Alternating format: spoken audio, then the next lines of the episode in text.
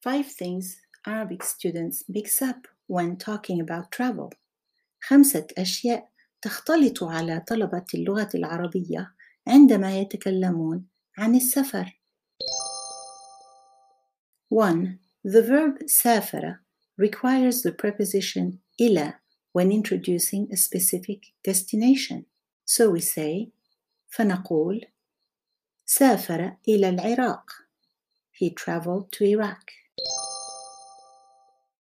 2. The verb سافر requires the preposition في when introducing an area within which one is traveling. So we say فنقول سافر في العراق. That is, he traveled inside Iraq. سافر داخل العراق. 3.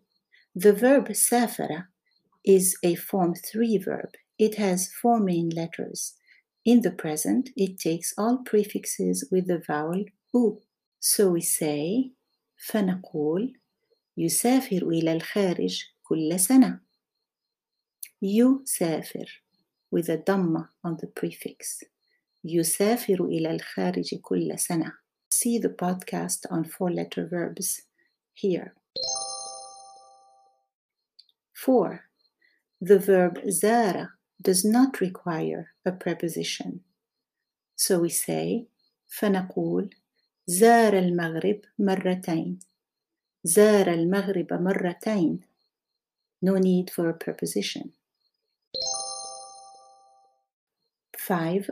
The verb زار is a form 1 verb. In the present, it takes all prefixes with the vowel a.